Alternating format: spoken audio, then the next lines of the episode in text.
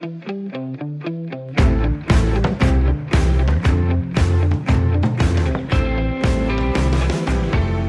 Rigtig hjertelig velkommen til anden time af øh, Fire på Foden. Dagens øh, Fire på Foden har vi ikke så meget forskelligt, men vi har rigtig meget om det samme, og det er fordi, der er den her nye Super League. Så vi holder os til et emne, det er altså 12 klubber, det man kalder superklubber, det vil de i hvert fald gerne øh, kaldes selv. Man kan også sige, der er et par iblandt de her øh, 12 klubber, øh, klubber som Arsenal, som Tottenham Hotspurs og som AC Milan, hvor det måske er noget i tid siden, man rigtig ville kalde dem superklubber, sådan i hvert fald i en fodboldmæssig forstand. Men de her 12 klubber har besluttet sig for, at de er trætte af at skulle kvalificere sig hver eneste år til Champions League. Det er jo der, hvor pengetræet gror, når man er en milliardforretning i fodbold Europa. Og derfor har de nu lavet deres egen liga, som de har meldt ud i aftes og bekræftet for nyhedsbureauet AFP. En liga, hvor, man, hvor de 12 klubber er sikret deltagelse hver eneste år, også sikret en kæmpestor øh, hvad kan man sige, betaling for at være med. 1,8 milliarder danske kroner per sæson har den tidligere, har avisen The Times tidligere beskrevet, vil være op imod øh, altså øh, betaling til de her klubber. Derudover, så er der øh, øh, tre pladser til andre klubber, der kunne tænke sig at nå at være med, og så altså fem pladser, øh, som andre ude i Europa, der ikke er en del, fast del af selskabet, kan få lov til at kvalificere sig til år efter år. Ideen, som de havde haft, det var, at de kunne få lov til stadig at spille i weekenden i de nationale turneringer. Deres spillere kunne være på landsholdene, alt andet. Og så kunne de altså lige om onsdagen, i stedet for at spille Champions League, eller Europa League, eller den nye Conference League, i stedet for at spille Super League. Det har UEFA sagt nej til. Alexander Seferin, der er præsident i UEFA, han øh, meldte i dag ganske tydeligt ud på et øh, pressemøde, hvor han både fik kaldt de her klubpræsidenter for udbryderklubberne for slanger, for kriminelle og for øh, løgnere. Der fik han altså sagt, at de kunne godt glemme alt om at være en del af både nationale turneringer eller UEFA-turneringer, det vil sige EM og VM-kvalifikation, hvis øh, de altså øh, gik videre med de her planer. På nuværende tidspunkt er ikke kommet en melding efter det fra Super League, så vi går ud fra, at landet stadig ligger sådan, at der er øh, plan bag ordene og handling bag ordene. Men det er altså det, vi taler om. I den kommende time, der skal vi gå tættere på økonomien, på strategien, på modellen bag de her ting. Og så skal vi altså også øh, forsøge at forstå en lille smule om, hvordan man egentlig har reageret i Spanien blandt andet, hvor Real Madrid, Barcelona og Atletico Madrid, altså tre af de toneangivende af de her 12 klubber. Du lytter til den særudgave af Fire på Foden om Super League, om hvad fremtiden bringer for fodbold i Europa. Rigtig hjertelig velkommen til. Jeg hedder Dan Grønbæk. Og jeg har fået selskab af en øh, anden Dan øh, på linjen nu. Pænt goddag, Dan Hammer. Tusind tak skal du have. Du er øh, tidligere direktør i Sparken Sport Entertainment. Så er du også øh, ivrig øh, jagttager af fodbold og fodboldøkonomi særligt. Og så er du øh, senest også øh, blevet øh, forfatter, øh, i hvert fald til, det har du også været før, men i hvert fald til en bog om strategi i fodbold, som du har skrevet sammen med Mads Davidsen, som nogen måske kender fra hans øh, karriere i udenlandske klubber. Han har blandt andet været i Shanghai og er nu i Al Jazeera i Emiraterne. Øhm, og du var vel egentlig en af de første til sådan aktivt at tale om, øh, om økonomiens store betydning for, øh, for resultater i fodbold. Er det ikke nogenlunde korrekt? Det er sådan, jeg husker det. øh, at øh, jeg gjorde for, for ja, over 20 år siden, gjorde mig den lille ulejlighed, jeg faktisk satte mig ned og øh, skrev medaljetagerne i de, øh, jeg tror, de 20 største europæiske turneringer igennem øh, de sidste 30 år øh, ned. Øh, og vi, vi er jo altså tilbage her i slutningen af 90'erne, da jeg gjorde det her. Og øh, der gik det for første gang for alvor op for mig, at øh, det var de samme klubber, øh, der i stigende grad øh, hentede medaljerne rundt omkring i Europa. Øh, og det fik mig jo sporet ind på, at øh, det var nok noget andet end kun det, der foregik nede på Grønsværen, øh, der var afgørende for, hvem der stod med pokalerne til sidst. Og vi har jo nu fået bekræftet den her offentlige hemmelighed, som i årvis har, har fuldt storklubberne. Altså, at de vil lave deres egen øh, lukkede liga, hvor de er sikret deltagelse og dermed også betaling hver eneste år, uagtet hvordan det så går i de nationale ligaer. Det har det jo nogle klubber som Arsenal og AC Milan, der har kæmpet med at, at, at kvalificere sig til igennem de almindelige vilkår i, i de her ligaer. Hvordan, jeg kunne godt tænke mig til at starte med lige at høre din reaktion, altså med din øh, tilgang til fodboldøkonomi. Er du, er du egentlig overrasket over, at det går den her vej? Jeg vil ikke sige, om jeg er overrasket. Jeg er måske overrasket over øh, de ultimative udmeldinger, der er kommet, fordi at øh, risikoen ved det, der sker lige i øjeblikket, det er jo, at ting kommer lidt ud af kontrol, uanset om man sådan set ser det fra øh, de klubber, der vil starte den her Super League-side, eller fra resten af fodbold Europas side. Og så spiller man jo med blind marker, øh, når ting begynder at komme ud af kontrol, og det har jeg faktisk svært ved at se øh, er i de 12 klubbers øh, interesse. Øh, og det bliver rigtig, rigtig spændende at se, om de, som øh, James Corbett, du havde igennem tidligere, mm. sagde, har overspillet deres kort øh, øh, i den her sammenhæng her. Altså, de er jo, øh, de er jo kendt for, at øh, at, øh, at spille et, et, et solidt gang øh, pokerspil, eller nogen vil sige, det ganske almindelige øh, hestehandler forhandlingsstrategi, øh, øh, når de har skulle have mere ud af Champions League. Men det her er et fundamentalt anderledes skridt, end at øh, kræve flere automatiske øh, hvad hedder det, kvalifikationer til Champions League for, for de store ligaer, eller kræve en større andel af, af præmie- og øh, medieindtægterne. Og øh, det er rigtig interessant at se, øh, om, øh, om, om, om de netop har overspillet deres kort i den her sammenhæng. Ja, det, vi to, vi talte sammen, altså vi har talt sammen om det her et, øh, siden, siden i går nærmest, og så har jeg til at være med i dag, og så kom der det her pressemøde her til eftermiddag, hvor øh, UEFA i den grad, må man sige, sat hårdt mod hårdt, både retorisk, men også øh, konkret, og simpelthen øh, lovet bål og brand og, øh, og udelukkelse og sanktioner, og derudover kaldte dem både løgner og slanger og, og kriminelle, noget han helt op på, Alexander Seferin, der er præsident i, i UEFA. Er, altså, hvad er mulighederne, øh, hvad er perspektiverne i den situation, vi står i lige nu, hvor UEFA de øh, lover sanktioner, og, og de her øh, klubber altså øh, har meldt det her, øh, den her Super League ud i går? Altså, hvor står vi egentlig henne i, en, i sådan en forhandling her? Ja, altså, hvis vi starter sådan med motivationen for de to klubber, så skal man huske på, at der er to ting, som forretningsfolk øh, holder allermest af. Og det er større indtægter, og det er sikre indtægter. Og det er det, der driver udviklingen set fra deres synspunkt. Og jeg tror godt, man kan tage, uh, tage det på gode varer, at, øh, at de har gjort deres hjemmearbejde ordentligt. Uh, der er en meget stor sandsynlighed for, at en sådan øh, Superliga kan flyve rent økonomisk, øh, hvis den ellers kommer afsted fra, fra startbanen.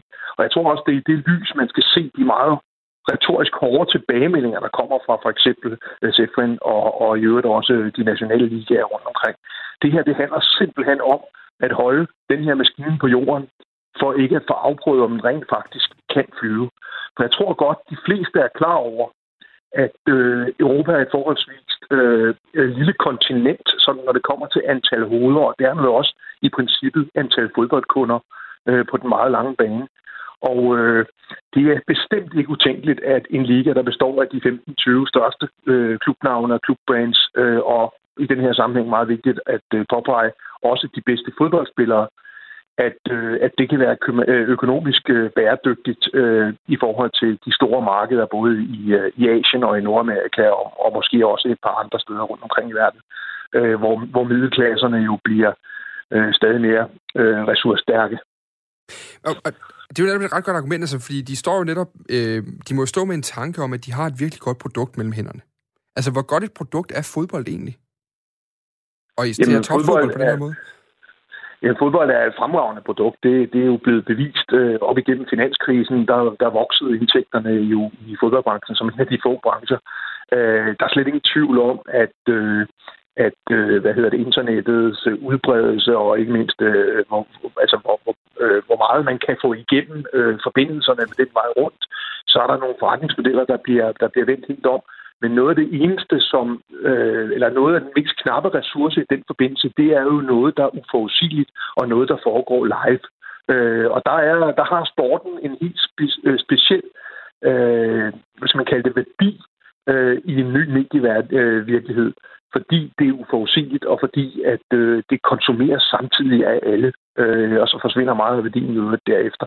I hvert fald i traditionel forstand, så ved jeg godt, der er en masse biprodukter omkring, at man kan se højdepunkter og øh, specielle detaljer og andet. Men, men alt den lige er fodbold et sindssygt øh, attraktivt kommercielt øh, produkt. Og det er interessant, altså i jeres bog, der har I også et, øh, et afsnit, der hedder fodbold er, er altid også forretning. Og, og i det her, der kan man sige, hvis du skal have, have det her øh, fantastiske produkt, du har ud over rampen, og du ovenikøbet skal ud og, og tjene penge, hvad er det så, at de satser på at skulle tjene deres penge på i, i, i, i den her øh, Superliga? Altså, hvor er det, de kan hente de her store milliardbeløb? Jamen, hvis man, hvis man kigger på for eksempel øh, den rigeste fodboldklub i verden, som, som Deloitte jo gør det op, altså på omsætning, så omsætter FC Barcelona i dag, eller i hvert fald før corona, for cirka 75 øre per verdensborger. Og øh, øh, det er bare for at give et eksempel, så er det jo en 6-7 gange mindre end Lego i Danmark. Øh, og det er klart, når man har et, et brand, der er globalt kendt, øh, så øh, vil man også gøre, hvad, øh, så er det også nærliggende at tænke, at man skal kapitalisere endnu mere på det.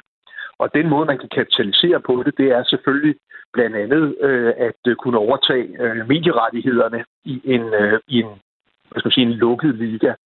Øh, så det er, jo, det er jo både et spørgsmål om, at man tror på, at man kan hente flere indtægter end, end, end man kan i dag i Champions League.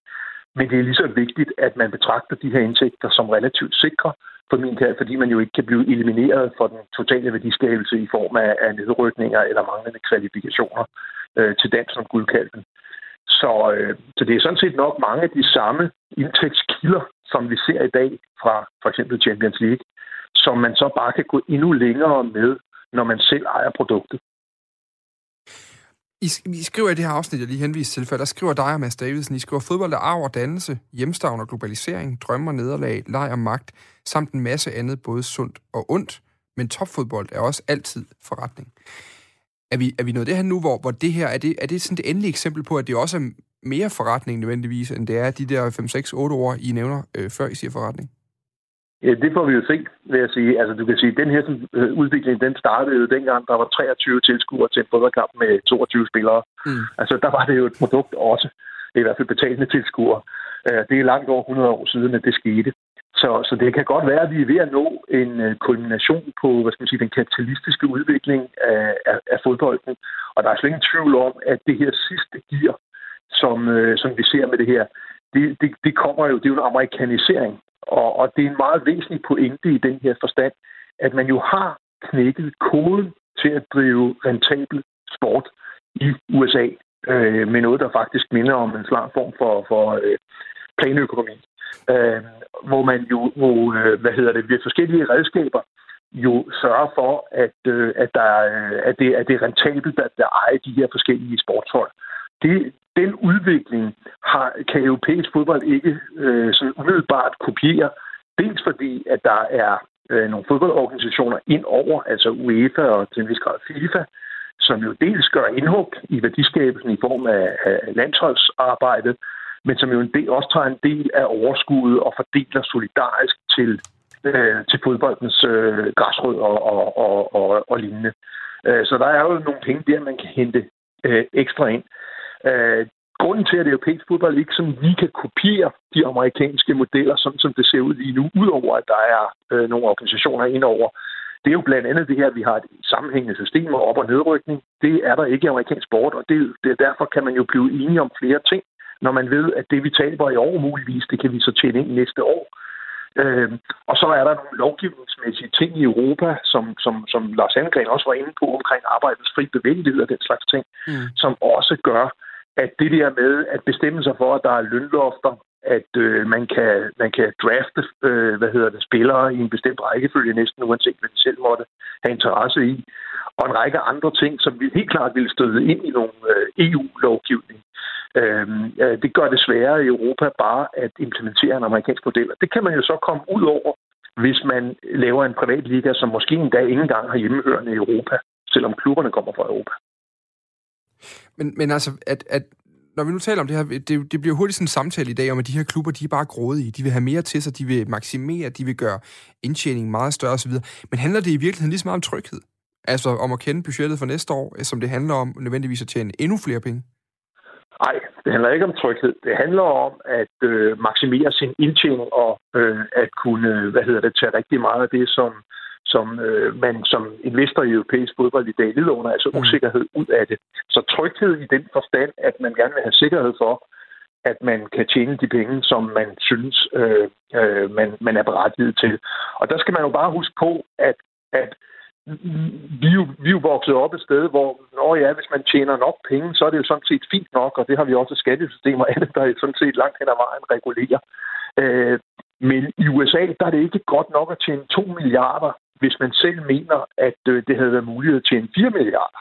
Altså, øh, og det, det er jo ligesom den logik, som også støder lidt sammen i de her sådan, diskussioner, fordi der er jo rigtig mange, der sidder og siger, jamen i forvejen er der så mange af, af, af, af, det, øh, af de økonomiske midler, der tilflyder de store klubber i forvejen. Det hørte jeg også Claus Thomsen sige. Ja. Øh, så, så hvorfor vil de dog have mere? Men sådan, sådan, en, sådan en logik findes der ikke i, øh, i en sådan bundkapitalistisk øh, øh, tankegang. Og, øh, og, og, og det, øh, det kan man jo godt oversætte til grådighed. Altså, det, det, men det er, jo, det er jo i virkeligheden bare en eller anden form for en forretningsmæssig logik om at optimere sit udkomme af sin indsats og sin risiko. Øh, og det er sådan øh, meget store dele af verden fungerer, også uden for fodboldens verden. Og nu er det så for alvor ligesom blevet spillet ind over fodboldens system. Øh, det, der så er interessant, det er jo, om, om der bliver gjort så stor skade på den grundlæggende værdiskabelse i fodbolden øh, ved at gøre op, øh, hvad skal man sige, at gøre op med hele den kulturelle betydning af fodbolden.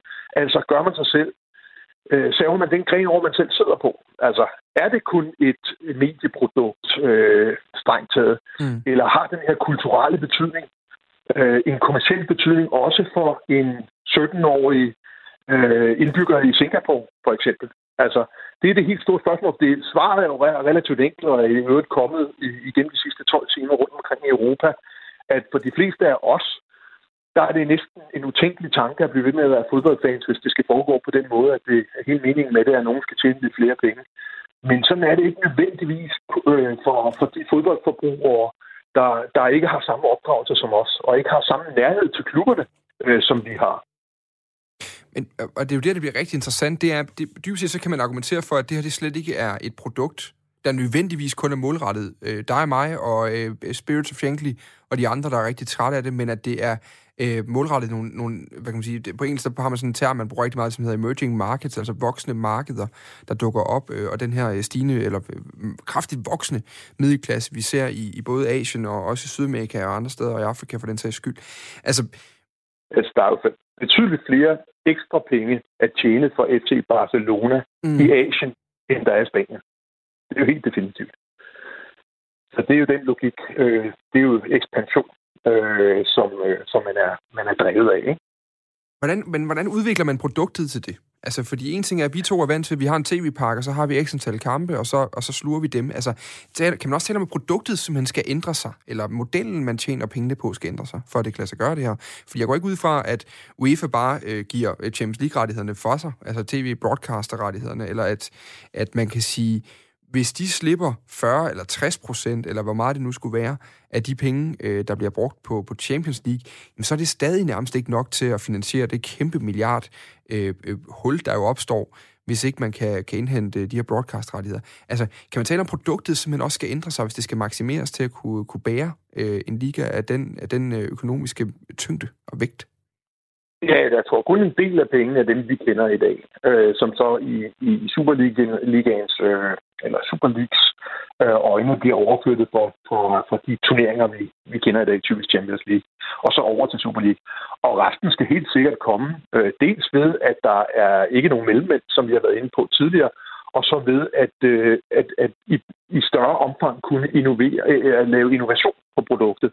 Og det er sådan set både øh, teknologisk, men det kan jo også i yderste konsekvenser, nu skal jeg ikke stå her og øh, hvad skal man sige, lade som om, at øh, jeg har nogen som er anelse om, sådan noget vil ske. Men vi har jo set i de amerikanske sportsgrene for eksempel, at man også gerne tilpasser selve spillet øh, til den kommercielle øh, logik. Altså, øh, hvem ved, om vi en dag ser fodboldkampe med tre halvleje, og dermed med to øh, pauser med mulighed for at lave endnu mere kommercielle indtægter, til eksempel. Ikke? Mm. Altså sådan nogle ting er jo nemmere, når det er 15 klubber med en grundlæggende fælles interesse, nemlig at optimere deres indtjening, der skal blive enige om det, end hvis det er et eller andet antal medlemslande i øh, UEFA, øh, der skal blive enige om det, øh, med meget forskellige interesser. Så, så det er da klart, at, øh, at der ligger den logik øh, bag Super League, at, øh, at øh, 15-20 klubber med, med, med en overskyggende fælles interesse øh, kan udvikle produktet øh, mere kommercielt, end man kan i andre sammenhæng. Øh, vi kan lige tage en øh, kort pause, vi vender tilbage til dig, Dan Hammer, for jeg kunne godt tænke mig, at vi lige kommer en tur over til Kenneth Kortsen. Han er øh, økonom, sportsøkonom, og det er han blandt andet ved, øh, ved Aalborg Universitet, hvor han arbejder med, med de her emner. Og han har også været inde og kigge på forudsætningerne for, at Superliga overhovedet kan gennemføres. Det er jo netop økonomi. En økonomi, som er større end den, som klubberne kan hente på det europæiske marked, hvis man spørger ham. Det betyder, at øh, klubberne skal vurdere, om de taber mere på det europæiske marked, end de kan hente på de nye markeder. Og den vurdering, den handler ikke kun om kritik fra fans, den handler altså også om sanktioner fra forbundene. Nu skal vi høre øh, første bid af, hvad Ken Korsen øh, vurderer her. Jamen, jeg tænker, det handler ikke kun om kritik via medierne. Altså det, som øh, de her klubber bag den her udbryderliga eller den nye europæiske Superliga skal føle for, at de ikke gør alvor af deres planer, det er, at de skal føle, at de står udenfor det etablerede fodboldlandskab, altså de hjemlige turneringer, at de også bliver ekskluderet i forhold til UEFA's turneringer, og at det er noget, som også kan mærkes i forhold til deres spilleres muligheder på, på landsholdsniveau, for der tror jeg, at FIFA og UEFA og de respektive nationale fodboldforbund vil udnytte de pressionsmidler, de har i forhold til at ekskludere de her udbryderklubber klubber fra det nuværende fodboldunivers, så at de netop kan mærke, at prisen bliver for høj i forhold til, hvad de kan vinde på, på nye markeder. Og ifølge Kenneth Korsen, så er det faktisk primært det asiatiske marked, som klubberne kigger mod.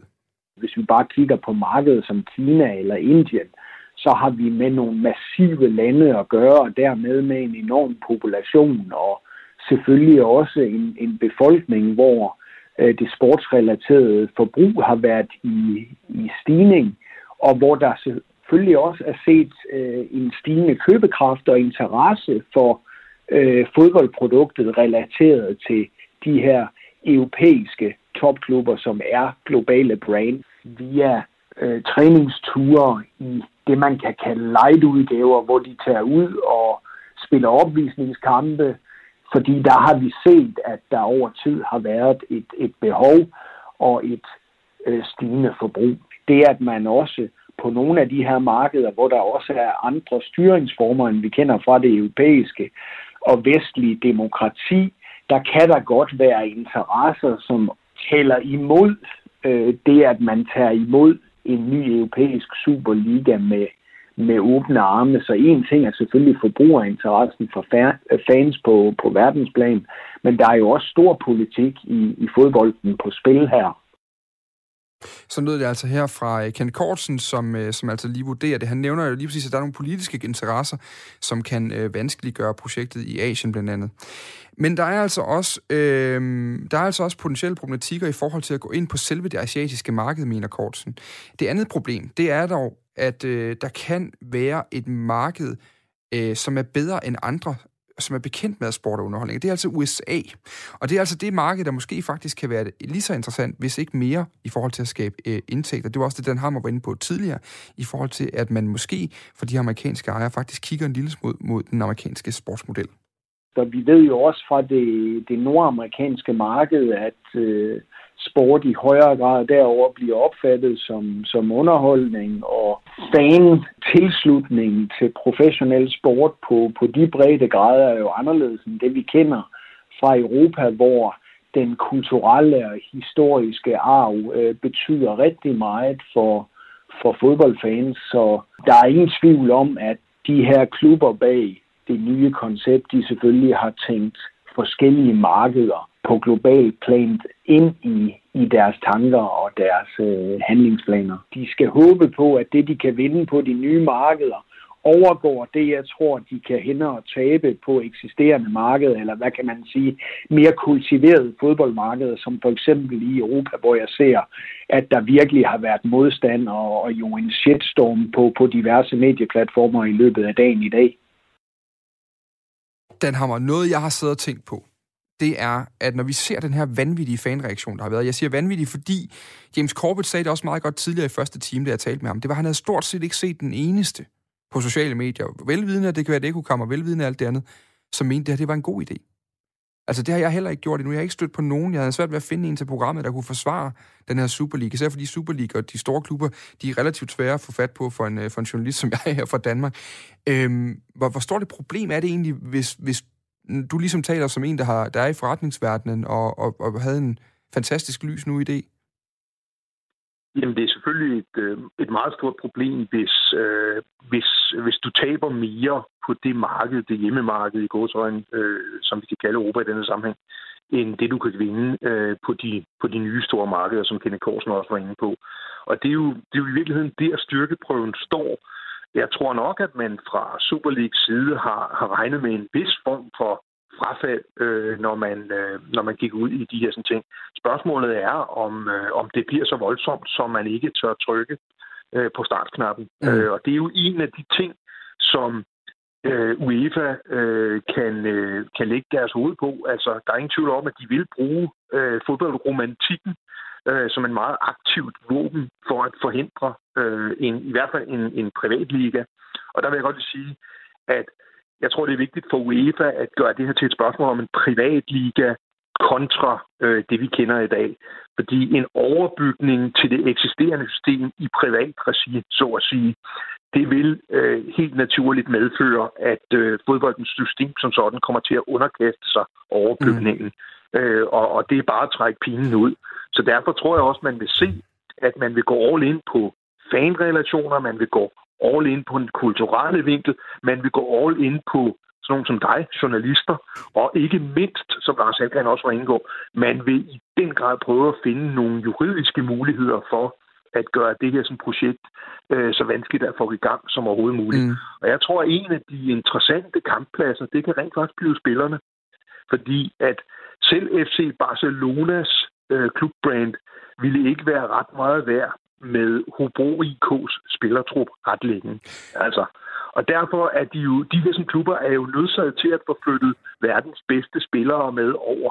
Og derfor kommer UEFA også til at lægge stort pres. Mm. Dels på, at klubberne ikke skal regne med at have en forbindelse til de nationale ligaer, og at spillerne kan risikere eksempelvis ikke at skulle spille landsholdsfodbold og den slags ting. Jeg bliver nødt til lige at afbryde dig kort det her, den hammer, fordi, fordi vi har faktisk lige fået mulighed for, øh, han er optaget af møder, øh, de har travlt ind i DBU, men vi har fået mulighed for lige at have Jakob Jensen med på telefonen nu, som er direktør i uh, øh, DBU. Pænt øh, god aften, Jakob. God aften. Og tak, fordi vi lige må, øh, jeg vil lige sige, øh, udnytte din øh, tidspause i, i møderne her. Selvfølgelig, ingen problem. Øh, Dan Hammer, vi, vi har den her diskussion lige nu, som handler om, hvorvidt øh, til dels den økonomiske model bag den her nye Super League er, er reel, men også hvor meget de her sanktioner betyder. Og vi har set øh, øh UEFA i dag med Seferin i front på det her pressemøde gå ud med hård retorik og nærmest endnu hårdere sanktioner. Jesper Møller, din øh, formand i DBU, har også her til, øh, til aften øh, bekræftet over for DR, at man regner simpelthen med, at øh, de, her, de klubber, der er stadig er med i Champions League i år, de bliver smidt ud sidst på ugen, øh, hvis det kan lade sig gøre juridisk. Jakob Jensen, hvor, hvor, hvor vigtigt er det at, at stå enormt fast og, og stå med bål og brand, som I blandt andet sagde for DBU tidligere i dag nu? Jeg tror, det er meget vigtigt at stå fast øh, med bål og brand, øh, og, øh, og det tror jeg, fordi, at øh, som I lige selv var inde på, så er der ikke nogen andre end de 12 klubber indtil nu, der er ude at sige, at det her det er en god idé. Øh, og for mig, så er det her et grundlæggende angreb på den europæiske klubstruktur, på det sportslige princip, at man altid kan spille sig ind, hvis man er god nok, og i øvrigt kan vinde en europæisk turnering, hvis man er god nok, og man kan ryge ned, hvis man ikke er god nok. Øh, og på den fordeling, der sker af midler via UEFA, hvor pengene jo også kommer fodbold og børnefodbold og alt muligt andet til gavn. Så for mig at se, så er det her et forslag, der hviler på grådighed, ikke på den, de drømme, den magi, det fællesskab, der er i fodbolden, og derfor er det nødvendigt med bål og brand. Men I taler jo om drømme og fællesskab og magi og de her ting, men det handler vel også øh, at, at, om, at det er en enormt dårlig forretning for DBU og for dansk fodbold, hvis de her superklubber hopper ud af, af den internationale turnering? Det er klart, det er en del af det, men det må jeg sige, det er simpelthen ikke det drivende hensyn i mig. Jeg, jeg, jeg beskæftiger mig med fodbold, fordi at det kan gøre noget magisk med mennesker og fællesskaber. Øh, og det, at nogen nu skulle øh, sætte det ud af kraft, fordi at man vil lave en piratliga, der alene hviler på penge. Det er så grundlæggende et angreb på alt det, som fodbolden står, øh, står for for mig. Mm. Så, så, så vi har ikke været nede i en lommeregner og se på, hvad koster det også på bundlinjen det her overhovedet. Det er klart, det vil koste, øh, det vil koste nogle penge. Det vil også koste penge for, for danske klubber, at de ikke længere kvalificerer sig til, til, mm. til en turnering som den her.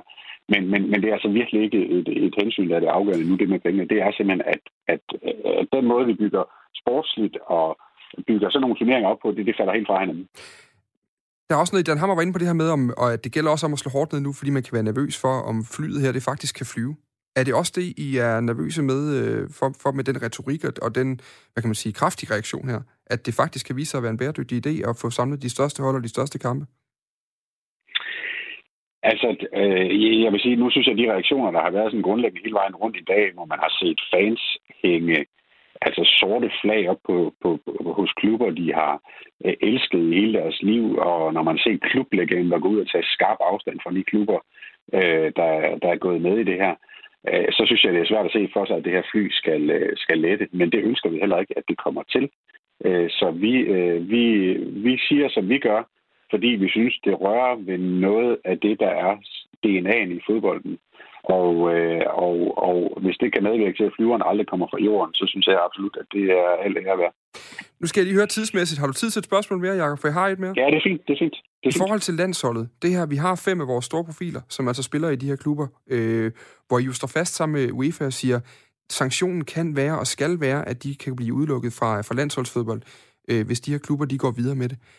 Hvor, hvor, hvor stor en sanktion er det? Altså, øh, sagt med andre ord, hvor, hvor, øh, hvor ked af det vil du være at undvære folk som øh, Eriksen og Christensen og Højbjerg?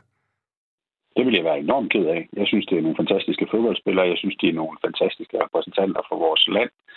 Jeg synes, at de har en tilgang til landsholdsfodbold, hvor man kan mærke, at de elsker landsholdet. De elsker at spille for Danmark. Mm. Jeg synes, det var enormt synd for dem, hvis de ikke skulle, skulle spille. Øh, når det så er sagt, så er det klart, at vi må stå last og bræst med, med UEFA her. Øh, og det, jeg noterer mig, min formand lige har været at sige, det er, at de 12 klubber, øh, de, de kan forvente at blive smidt ud af Champions League på, på fredag. Og, og det er klart, at altså, det samlede billede for dem, der har fået den her ikke så gode idé, må vel også være, at måske skulle vi overveje at droppe den. Og det håber jeg helt ærligt sker, og det vil også betyde, at vi kan have de her spillere med på landsholdet igen. Er det konsekvensen værd, hvis de ikke kan være med? En gang til, undskyld. Er, er det kampen værd, hvis de ikke kan være med? De her spillere på landsholdet? Øh, ja, det er, jo, det er jo et fuldstændig teoretisk spørgsmål. Lige nu, lige nu forholder jeg mig til, at der er stillet nogle sanktioner op, og så håber jeg, at dem, der har fået den her dårlige idé, de, de forlader øh, ideen igen, inden det overhovedet bliver nødvendigt at få sanktioner i spil i forhold til det EM, der skal spilles i København til sommer, for eksempel. Administrerende direktør i DBU, Jakob Jensen, du skal tilbage til mødet. Tusind tak, fordi vi måtte stille dig.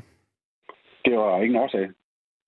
Dan Hammer, øh, jeg vil gerne lige tilbage til dig her nu, egentlig, fordi øh, vi taler jo her, altså øh, det er jo egentlig en, en forbundsdirektør, øh, der også står fast her igen nu. Altså sanktionerne er enormt vigtige for UEFA lige nu.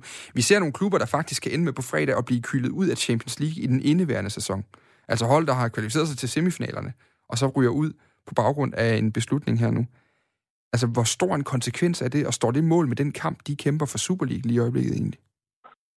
Ja, det synes jeg. Hvis udgangspunktet er, at man øh, oplever en trussel, som man mener i princippet kan være næsten alt ødelæggende, så øh, er det jo også rigtigt nok at svare tilbage øh, med samme mønt.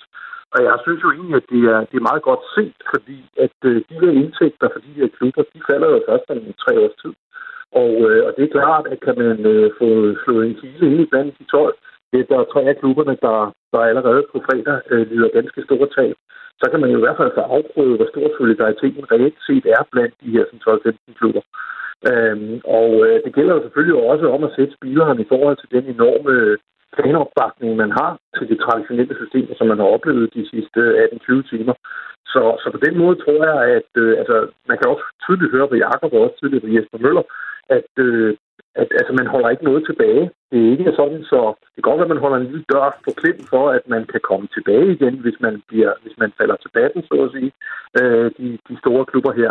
Men man skal ikke være i tvivl om, at, øh, at, øh, at, at seksløberne de er lavet med, ikke med løskrydt, men med rigtige patroner. Ikke? Og mm. det, det, det tyder jo på en anden ting, vil jeg så godt lige sige, sådan rent forhandlingsmæssigt, og det er jo, at man reelt set jo er nervøs for, at det her fly kan flyve. Mm. Altså, Øh, fordi at, at, at man ved godt, at det her det handler om at slå det ned meget, meget tidligt. Øh, fordi man jo også alt andet lige ved, at Europa ikke er hele verden, og at øh, fodboldfans ikke kun findes i Europa, og der findes rent faktisk øh, rigtig mange af dem, øh, også mange flere end i Europa på, på de andre kontinenter. Øh, så, så, så derfor, så, øh, hvis nu det var sådan, at man var fuldstændig overbevist om, at den her sådan, flyver ikke kunne flyve, jamen så kunne man jo sådan set bare lade den starte øh, mm. og så vil det løse sig selv. Øh, og det er ikke det udgangspunkt, man har hverken fra Sætring eller fra DBU's side. Udgangspunktet er, at det her er en alvorlig trussel, der skal tages meget alvorligt, og som der skal slås meget hårdt tilbage på meget hurtigt. Lad os nu antage et helt hypotetisk scenarie, at du sad som øh, klubdirektør i en af de her klubber, der er tilbage nu, og så lige pludselig, så står UEFA altså fast. Det er, du er på mm. vej ud af Champions League. Dine spillere må ikke spille øh, VM, EM, øh, VM-kvalifikation i hvert fald, og EM. Nu må vi se, hvordan FIFA de også øh, står fast på, på VM, når det kommer til det. Øh, er det så store konsekvenser, at man bør tage hale mellem benene og sige, det, det, det er simpelthen ikke kampen værd, hvis forbundene og hele infrastrukturen, den organisatoriske infrastruktur i fodbolden står fast? Men mit udgangspunkt er, at det må de have vidst var en risiko. Også en ganske betydelig risiko. Altså, så, så øh, jeg, vil, øh, jeg vil være overrasket over, hvis de bare fulgte og, og måske lader sig nøjes med de jo et relativt øh, markante ændringer, som man jo indfører i Champions League nu alligevel øh, for 24 år frem. Øh, men, men det kan da godt være, at for eksempel sådan en transaktion som den, man snakker om, om, om allerede på fredag, at udelukke klubber fra, fra indeværende Champions League turnering, og så selvfølgelig også de kommende, øh, hvad bliver det, tre år, øh, at, at det kan få dem på andre tanker, og at de måske ikke har troet, at fodbolden ville stå så samlet omkring det her. Med fodbold mener jeg i bredeste forstand, fordi øh, vi snakker jo øh, fans og forbund øh, her. Øh, vi har stadigvæk ikke hørt entydigt fra spillerne. Der er nogle spillerforeninger, der har været ude at være kritiske, øh, og vi har ikke for alvor hørt fra storsponsorerne rundt omkring. Øh, og det er jo det er jo altid en god idé at følge pengene og se, ligesom, hvad mener pengene mm. øh, i, i den her sammenhæng. Men jeg vil være overrasket, og det vil stille de her som klubber i et ekstremt vanskeligt forhandlingsposition fremadrettet. Øh, og, og det er lige for, at den beslutning, man i dag har truffet om at lave om på Champions League-formatet, jo strengt taget skulle tages op til genovervejelse, hvis man lige pludselig stod med 12-15 enormt politisk svækkede fodboldklubber, som kommer krybende tilbage lidt hurtigt og siger, at øh, det var så heller ikke så alvorligt ment alligevel. Øh, men, men jeg vil nu alligevel tro, og min erfaring med amerikanske øh, inspirerede øh, forretningsmænd, det er, at øh, de har en optænkt træk eller to frem. Og så kan man selvfølgelig blive overrasket over, hvor hård modstand man møder, men, men øh, jeg, jeg, jeg tror nu ikke, at øh, jeg tror ikke, at, at man siger, at Fat Lady har sunget færdig på fredag.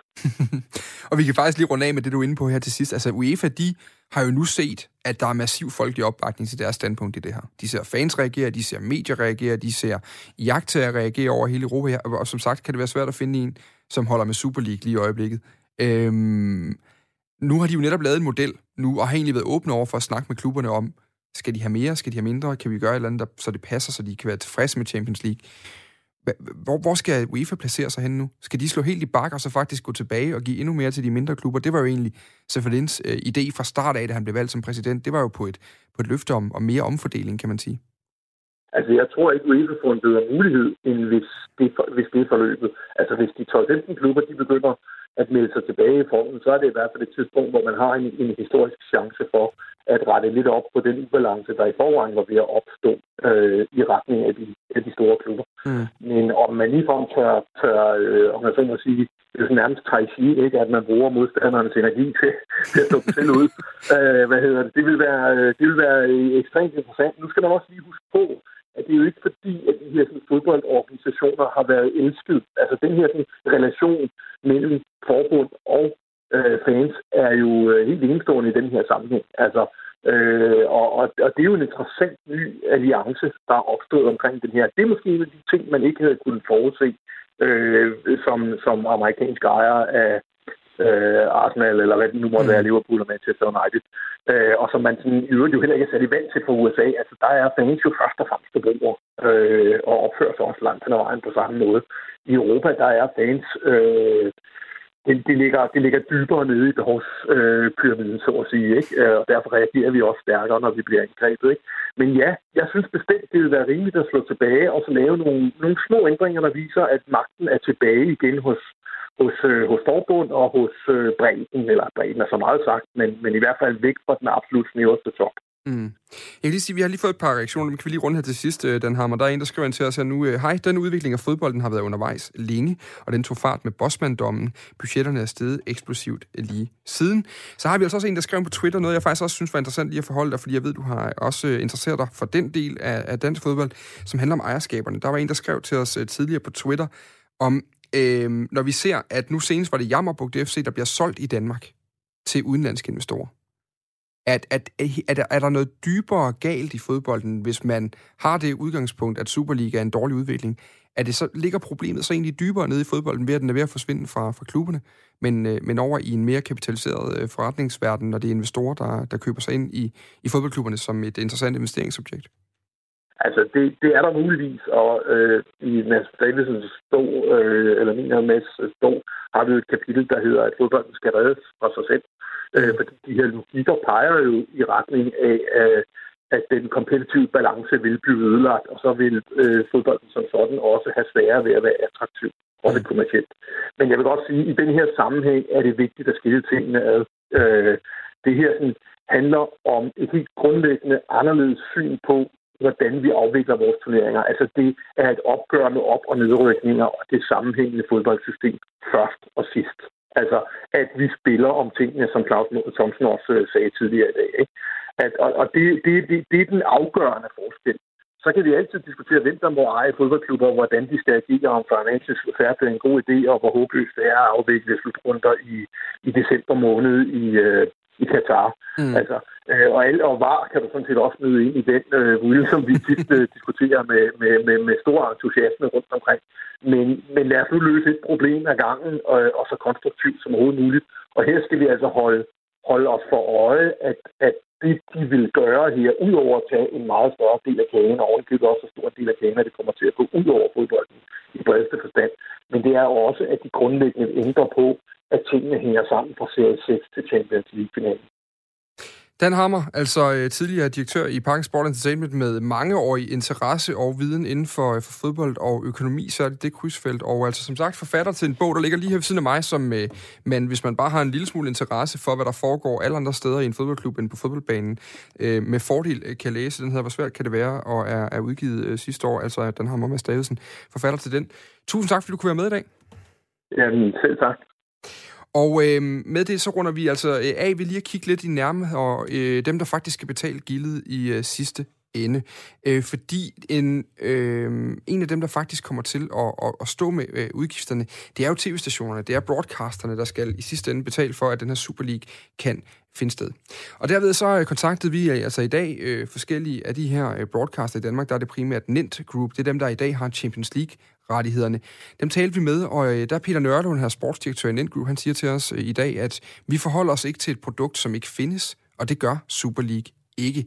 Jeg erkender, at truslen er større denne gang, men vi ser meget klart, at hver gang der skal fordeles penge fra Europa League og Champions League, så kommer truslen om en udbryderliga. Det er politik. Peter Larsen, som er øh, Frederik Larsen, der er sportschef hos øh, TV2, han siger i dag, at øh, i de snart 13 år, jeg har været sportschef, har jeg hørt om den her tankegang. Tanke 3-5 gange. Den her gang virker det måske noget mere alvorligt, men lad os nu se, øh, hvordan det udvikler sig, inden vi forholder os til, om øh, det er noget for os eller ej. Jeg tvivler stærkt på, at det bliver til noget, som siger han til Media Watch. Og så spurgte vi altså også øh, Peter Nørlund fra Net Group noget omkring, hvem er det egentlig, der ser fodbold? Hvem er det, man skal ramme med det her? Hvem er det, der skal købe det?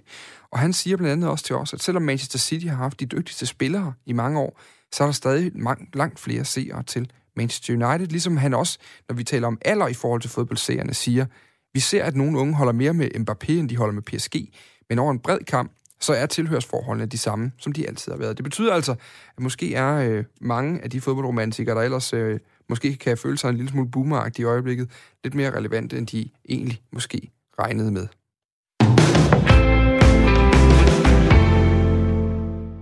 Vi runder øh, dagens udsendelse af med at tage endnu et kig ud i øh, verden, og øh, hvad der altså øh, sker derude, hvordan man reagerer på den her historie. Det er altså øh, Super League, vi i dag har lavet to timer om. Jeg håber, du er blevet klogere. Vi kan sige, hvis du går igennem første time, så kan du blandt andet høre Claus Steinlein, der er direktør i FC Midtjylland, fortælle om, hvordan øh, han altså nu øh, forholder sig til at være FC Midtjylland i den her øh, store øh, kamp, der er i gang på europæisk plan, nu hvor de 12 Superliga-klubber, altså Arsenal, AC Milan, Atletico Madrid, Chelsea, øh, FC Barcelona, Inter, Milan, Juventus, Liverpool, Manchester City, Manchester United, Real Madrid og Tottenham Hotspur, plus tre ekstra har stiftet det, der hedder Super League.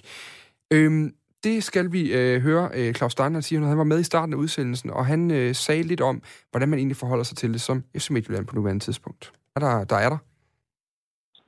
Nej, men så vil øh, det lige så langsomt blive udvandet. øh, fordi det er klart, de store klubber, det er jo dem, der trækker de store tv-aftaler. Altså det er Barcelona, Real Madrid, øh, det er Liverpool og de klubber, som trækker de store tv-aftaler. Men det kan man jo også se, når man ser, hvilke tv-aftaler bliver udtalt. Altså startpengene i at komme i Champions League er for Midtjyllands vedkommende 150 millioner. Men hvor det fra nogle af de store klubber er, er 500-600 millioner. Så altså allerede nu er de belønnet maks klubberne. Og, og derfor synes jeg, det er alt for meget grådighed, og det er alt for meget fokusering på den korte bane i at optimere den forretningsmæssige model, og så glemme, at man er en del af en stor fodboldfamilie, som man er afhængig af. Jeg spurgte også Claus Steinlein ind til, øh, hvorvidt man skulle lade de her øh, store klubber sejle deres egen sø. Ja, altså, det var det første, jeg tænkte i morges, da jeg stod op. Det var, så må, så må de sejle deres egen sø. Men, men det er klart, det er for os alle sammen så øh, vil de altså være vigtige at få med, siger Claus Steinlein her. Vi skal som sagt runde af nu med lige at kigge ud i det store udland, fordi i Spanien og senere også Tyskland, hvor vi skal til nu, der skal vi høre, hvordan reaktionerne har været. Det er hos FC Barcelona, det er Real Madrid og Atletico Madrid, der er med i den nye udbryderliga. Min kollega Niklas Stein, han har snakket med Nikolaj Lisberg, han er freelance journalist med base i Barcelona. Lisberg, han er også special i tysk fodbold ved siden af, så han bliver selvfølgelig også lige spurgt ind til Bayern München og Company, der altså har valgt ikke at være en del af udbryderligaen. Men først, Hvordan har reaktionerne været i Spanien? Jamen, det har været meget blandet. Øh, altså, man kan sige, de, de tre klubber, der så er medlem af den her udbryderliga, altså Barcelona, Real Madrid og Atletico, jamen, de har jo alle sammen været ude på deres egne hjemmesider og ligesom øh, forsvare og forklare beslutningen og så sige, at det er nødvendigt for, at fodbolden sådan rent økonomisk øh, kan hvad hedder det, videreudvikle sig og kan overleve simpelthen. Det er jo deres argument. Øh. Men de resterende klubber øh, har været ude og tage kraftig afstand fra det. La Liga, altså det spanske, fod og det spanske fodboldforbund, har været ude og tage kraftig afstand fra det på, på deres hjemmeside og sagt, at det her det ødelægger, ødelægger fodbold. At øh, La Liga, det spanske fodbold, det har en 90 år rig historie, og den risikerer man nu at, at ødelægge med, med den her øh, Superliga. Så der er virkelig øh, tegnet nogle, nogle fronter op og ned de tre klubber, øh, som sagt øh, Real Madrid, Atletico Madrid og FC Barcelona, deres udmeldinger øh, omkring det her, er de øh, sådan nogenlunde enslydende, eller, eller vægter de forskellige årsager til, hvorfor de har valgt at gå med i de her planer? Nej, de er egentlig ret enslydende. Det virker generelt, synes jeg, når man læser alle de her 12 øh, klubbers øh, hvad skal man sige, udmeldinger, jamen, så har man så næsten haft den samme spindoktor derinde, som har, har brugt nogle af de, de samme ord, der går igen. Øh, jeg synes dog, at den, der sådan klinger mest hult, øh, hvis jeg selv må have lov til at komme med en mening her, det er, det er Barcelonas. Øh, de slutter med at sige, at at, hvad hedder det, at, øh, at de altid tænker på, øh, hvordan klubben øh, kan bidrage til et greater good, øh, som du siger. Altså sådan, at de har en, en lojal historie og en forpligtelse til at udvikle fodbolden. Og de, at de får det næsten til at fremstå, som om, at de redder fodbolden på, på den her måde, hvilket man også kan se på de sociale medier, at de får voldsomme hug for blandt deres, øh, deres fans. Og hvordan har reaktionerne så været fra øh, fansene og så videre? Jamen ja, det har, det har ramt Spanien også hernede, øh, fordi de er jo stolte af La Liga. Øh, for dem betyder La Liga noget. For dem betyder hele den her tradition, de, øh, de har med, med spansk fodbold, det betyder enormt meget hernede. Øh, og man kan se, som jeg lige var kort inde på, altså når man kigger på diverse øh, post på sociale medier, som enten Barcelona, Real Madrid eller Atletico øh, ligger op øh, for tiden, også selvom det ikke handler om Superliga, jamen så er kommentarsporene fyldt med vrede fans, der føler sig forrådt. Og det gør man måske især i, i Barcelona og Atletico Madrid øh, fansen, fordi Atletico Madrid, hvis vi tager dem, har jo tradition for at være en arbejderklub. De har jo lidt stået i, hvad skal man sige, øh, lidt være modsvar til de rige for Real Madrid og, og Barcelona, de altid skulle klare sig selv. Så det flugter ikke særlig godt med den overbevisning, som mange fans har. Øh, og Barcelona, vi kender jo alle sammen det her udtryk med mesken en klub, altså mere end en klub. Og alle de her idealer og alle de her øh, smukke værdier, som klubben gerne vil bryste sig af, jamen de klinger også noget mere hult øh, blandt fansene. Så der er en, en stor modvilje øh, hernede, som man fornemmer. Men jeg synes alligevel, det var interessant at se øh, Mundo Deportivo, den katalanske sportsavis, jamen de kører en, en afstemning lige nu på deres hjemmeside. Øh, det var så i forhold til Atleticos medvirkning medvirken i, i Champions League. Og der er der altså 60 procent, der, der godt kan forstå, at, at Atletico vælger det her, fordi, som de siger, det her det er bare en, det næste skridt i, i moderne fodbold. Katar-debatten er jo noget, der øh, er accelereret rigtig meget i løbet af de seneste måneder og år heroppe i Nordeuropa.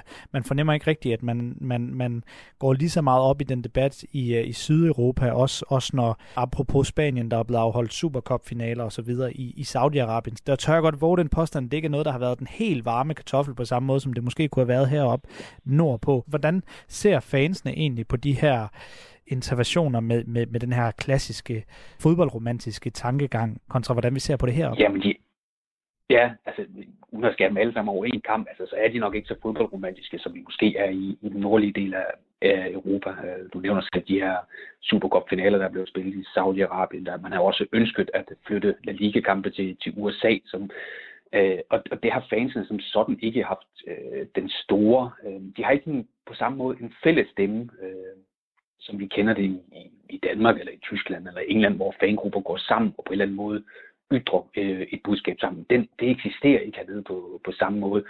Og, og derfor øh, kan man også sige, at det at være fan hernede er en lidt anderledes måde at være fan på i, i så mange andre dele af Europa. Øh, og derfor tror jeg heller ikke, at Real Madrid, Barcelona, Atletico, øh, de her tre klubber, som er medlemmer af den nye Superliga, jamen de er så voldsomt bekymrede for, for den modstand, der kommer øh, fra fansens side, fordi den kommer ikke lige så øh, den kommer ikke lige så hårdt, den kommer ikke lige så sammentømret, som den gør måske mod nogle af de, de engelske klubber. Øh, det er en, en anden måde at være fan på, som jeg siger, hernede, fordi man ikke går ind i de her debatter, man passer lidt mere sin, sin egen butik, øh, og igen, uden at skulle skære alle fans, danske fans over, over samme kamp, jamen, så er den typiske spanske fan, jamen det er måske en, der, der kommer på stadion, han kommer lige kort tid inden en, øh, en kamp, sætter sig ned, får nogle af sine, sine pipas, øh, sine fuglebrød, og så går han lige fem minutter før. Øhm, det, er, det er et anderledes forhold, og, og man sætter sig måske,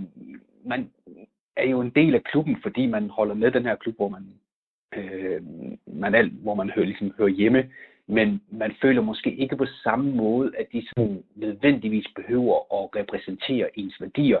Øh, der behøver måske, måske ikke på samme måde at kunne stilles lighedstegn mellem dig som person, som fan, og så klubben som, på den måde, som vi, vi gør i eksempelvis Danmark. Hvad er det for en La Liga, som så vil være en La Liga uden Atletico Madrid, Real Madrid og FC Barcelona sagt på en anden måde? Hvor stort et tab vil det være, hvis de her klubber ikke er en del af La Liga mere?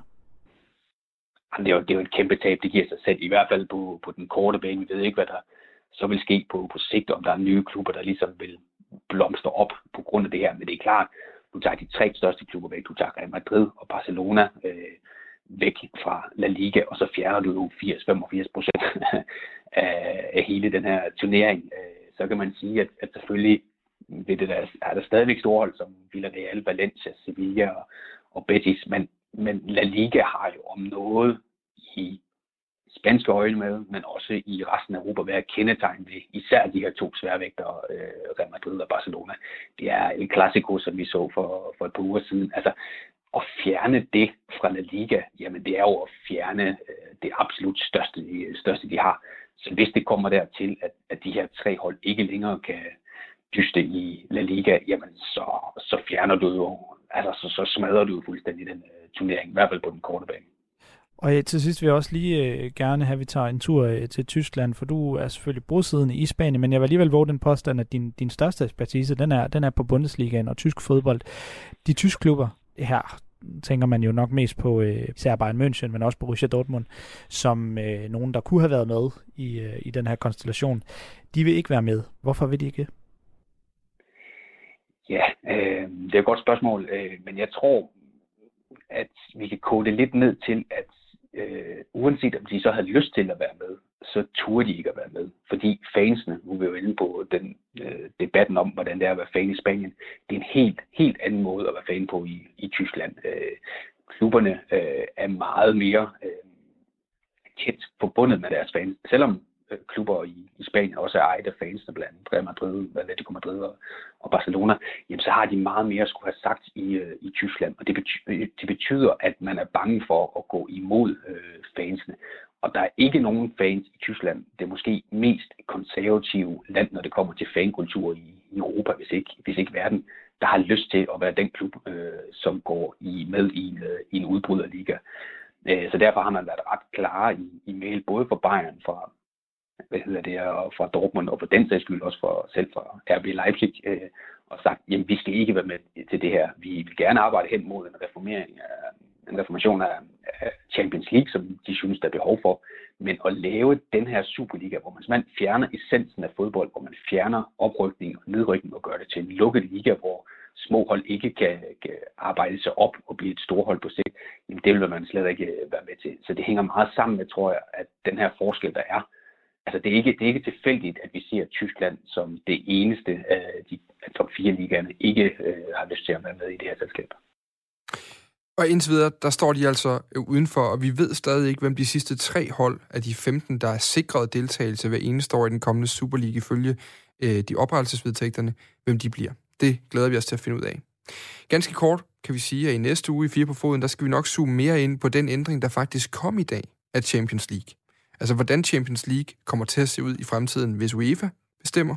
Den blev nemlig stemt igennem i dag og præsenteret på det her pressemøde i Montreux i Schweiz i dag, inden Stefan altså gik i gang med at havle løs på de 12 udbryderklubber. Det er slut på dagens udgave af Fire på Foden. Jeg håber, du blev klogere. Det gjorde jeg i hvert fald af de forskellige vinkler. Vi nåede både omkring økonomi og jura og det rent fodboldmæssige. Dagens udsendelse var sat sammen af Gustav Pors og øh, Niklas Stein, som også øh, producerede udsendelsen i fællesskab. Jeg hedder Dan Grønbæk. Jeg er tilbage med mere fodbold og mere indsigt til dig om en uge.